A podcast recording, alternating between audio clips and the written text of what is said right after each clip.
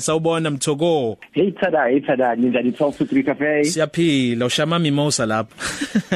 Lalela, lalela. Ngeke siya, angeke uzokhola ukuthi my best drink emhlabeni yathi yini? Is sparkling water ne orange. Ngishayela kona njengoba ngikhuluma nawe la.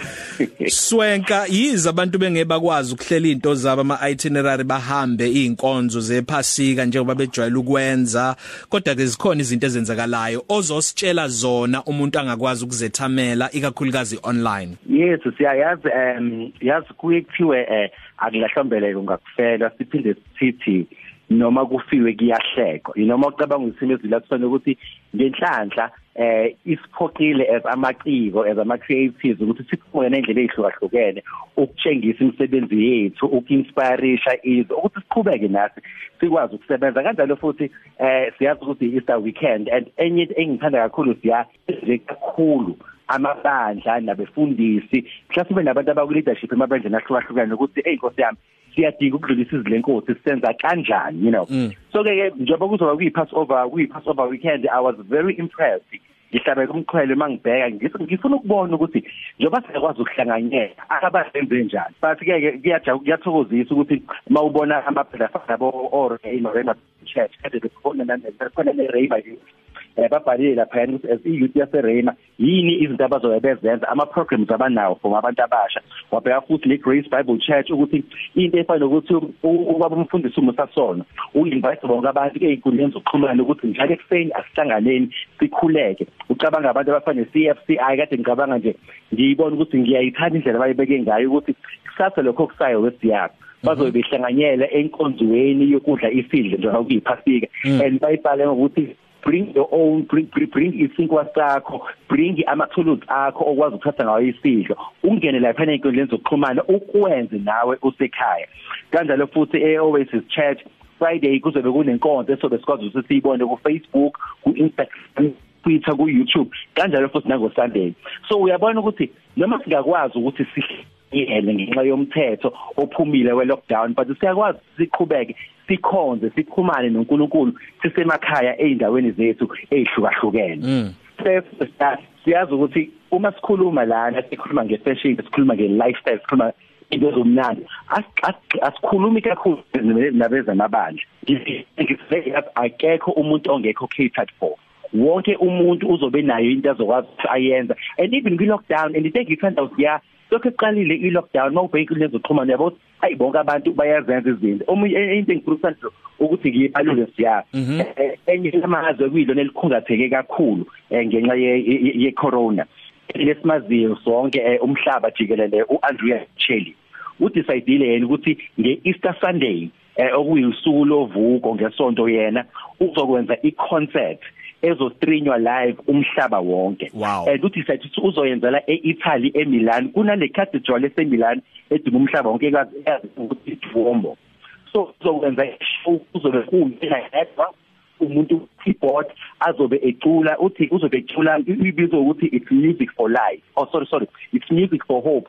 Uzobe ebuyisa ithemba emhlabeni wonke jikelele ukuthi noma sidlula kulesikhathi sesidlula kusona but lisakhona ithemba nje kade ngibuka izinkundleni zokuxhumana ukuthi hey abantu ngempela bayasho ukuthi hey yazi noma singaze simbone live uAndrea Bocelli but this time around usizombona eperforma ngalesikhathi eperforma ngaso nawe uzobe ukwazi ukumbona einkundleni zokuxhumana ikuphi mhm. nami nakuphi la okhona mhm. kanjalo futhi nakwezengqepho uDavid Tlale the house of David Tlale eh for the first time ever uzobe presenta iAutumn Winter 2020 2021 collection yakhe eh azobe eyipresenta virtually. Ibizwa ukuthi i-virtual showcase. Ngomsombuluko umhla ka13 kuApril ngokara past 7 sonke sobe silapha ku Instagram uFacebook uTwitter uYouTube esitshengisa ukuthi yini ingqephu yakhe azobe eyenza kulobusika nenkwindla ka2020 no2021 into adicide ukuyenza ke ke siyangoba siyazi ukuthi akwazi ukuthi kube i-fashion show fashion show njengokuthi uhambe sohlala phansi sibukela ama models but uthatha uyibiza ukuthi it's classic icons. Okusho ukuthi eyingqephini zakhe nasemsikweni yakhe ake ayenza edlulile. Uthathe ama prints noma ama designs noma imsiko ekuyiyona ethe yavelela noma yadla ubhedu. Wayithatha wayiremixa ya inspireshwa isimo esidlula kusona manje ya inspireshwa isikhathi esikusona as izwe. Wayesithi uzokwazi ukuthi ayisitshengise yona lapha ezinkundleni zokuxhumana.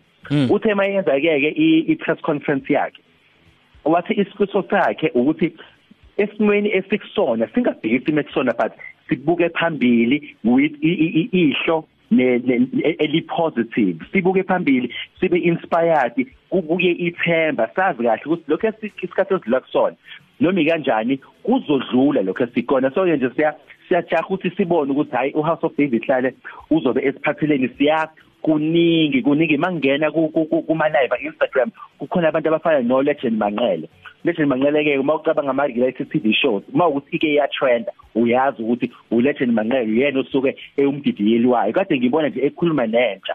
Eh bembuza imibuzo ukuthi wenza kanjani ukuthi uthine lezi lezi kulona wenza kanjani ukuthi uact? Bembuza imibuzo eminingi siya end. Wathatha isikhathi sakhe ukuthi a engage with intsha yase South Africa and siya ngiyathanda kaningi eh abakule abakule umkhakha wezamaciko ukuthi kule nathi abayi avail so that as abantu sibalandela sibathanda sibuka umsebenzi wakhe. Kulesi sikhathi lesidlula kusona sonke sinesikhathi emakhaya ngazi ukuthi eyazi ngihlele ekhaya. Ngathola lapha yana uLegend Manqele esho ukuthi ngathola lapha yana usomizi kwi dance class yakhe noma esitshengisa ama workout akhe. Ngathola lapha kusiba mntongana esitshengisa ukuthi okay uma uphu upheka wenzani nani nani nani ngibona futhi nje siya sengiyanga sekugcineni sengiyibhala. Eh kukhona insizwe lapha yana esiyazi lapha enkundleni zokuxhumana ibizwa ukuthi undile emthiyane eh yona ibizwa ukuthi yini khona siye ngesizulu. Singathi ungoti noma noma ungcweti waleyo nto yebo. Ungeti ungoti noma ungcweti kwezokuphuza kakhulukazi kulesiphuzo lesi sewhisky unento ayenzayo lapha yana ebizwa ukuthi i-home connect whereby exhumana nabantu abahlukahlukene abantu beshare ukuthi hayi mina njengoba ngisekhaya ngingakwazi ukuthi ngiye ebar. Ngiyakwazi ukuthi ngiye restaurant ngingakwazi ngiye hotel ngiyakwazi lapha nefithi nami ngithatha isiphuzo sokuthi ngithatha isiphuzo sokuthi ngixube nokuthi nokuthi nokuthi bese kuphuza bese kuphuma isiphuzo umuntu asijabulelayo. Okusigqugquzelayo siyakuthi asingasidli sengathi sivalelekile noma impilo imile noma sihleli emakhaya ngesikhathi se lockdown abantu abafana no Helen kuwe function images kade sifundisa indaba zamawayini. Into kade sesenzile thina siya etshengisa la khaya ukuthi itafula lisethwa kanjeni iglass ibanjwa kanjeni ukuthi kusenzezela ukuthi ngoba siyami kulesikhathi esidlula kusona se lockdown sihlele emakhaya. Into ebalekile ukuthi hlala ekhaya kodwa ehleli kwakhe ekhaya iba productive. Funda fundiseka ngene inkundleni zokuxhumana funda incwadi funda amabhuku iya kuma website eindaba uthola ukuthi kwenzakalani. Kungabe ukuthi kwaku 21 days sengathi uboshiwe akubu 21 days ukuthi ufundile wazuza wathola ulwazi olukwenza ukuthi uqhubekele phambili nempilo. Sibonga kakhulu mthoko. Online khona izinto ezenzakalayo eziqhubha impilo ize singesikwazi ukuphuma. Usitshelileke ezinye zazo abantu bangahamba bayoyibonela. Ngicabanga ukuthi ke mabefuna ukuthi baphinde bazi kabanzi uzobatshela kuma socials akho. Yes yes ngizokwazi lapha na ku Instagram eh ngikhona uswenka ka Twitter futhi ngikhona uswenka ku Facebook siya i page lami eli person elithi uswenka selfwele so sengimuvela ke ke manje kwi kwi kwi kwi page elithi uswenka yilapho sizokwazi siqhumane khona ke ke inkundleni zokuxhumana. Hayi Swenka Positive Cafe. Ilunch yakho ayifani neyizolo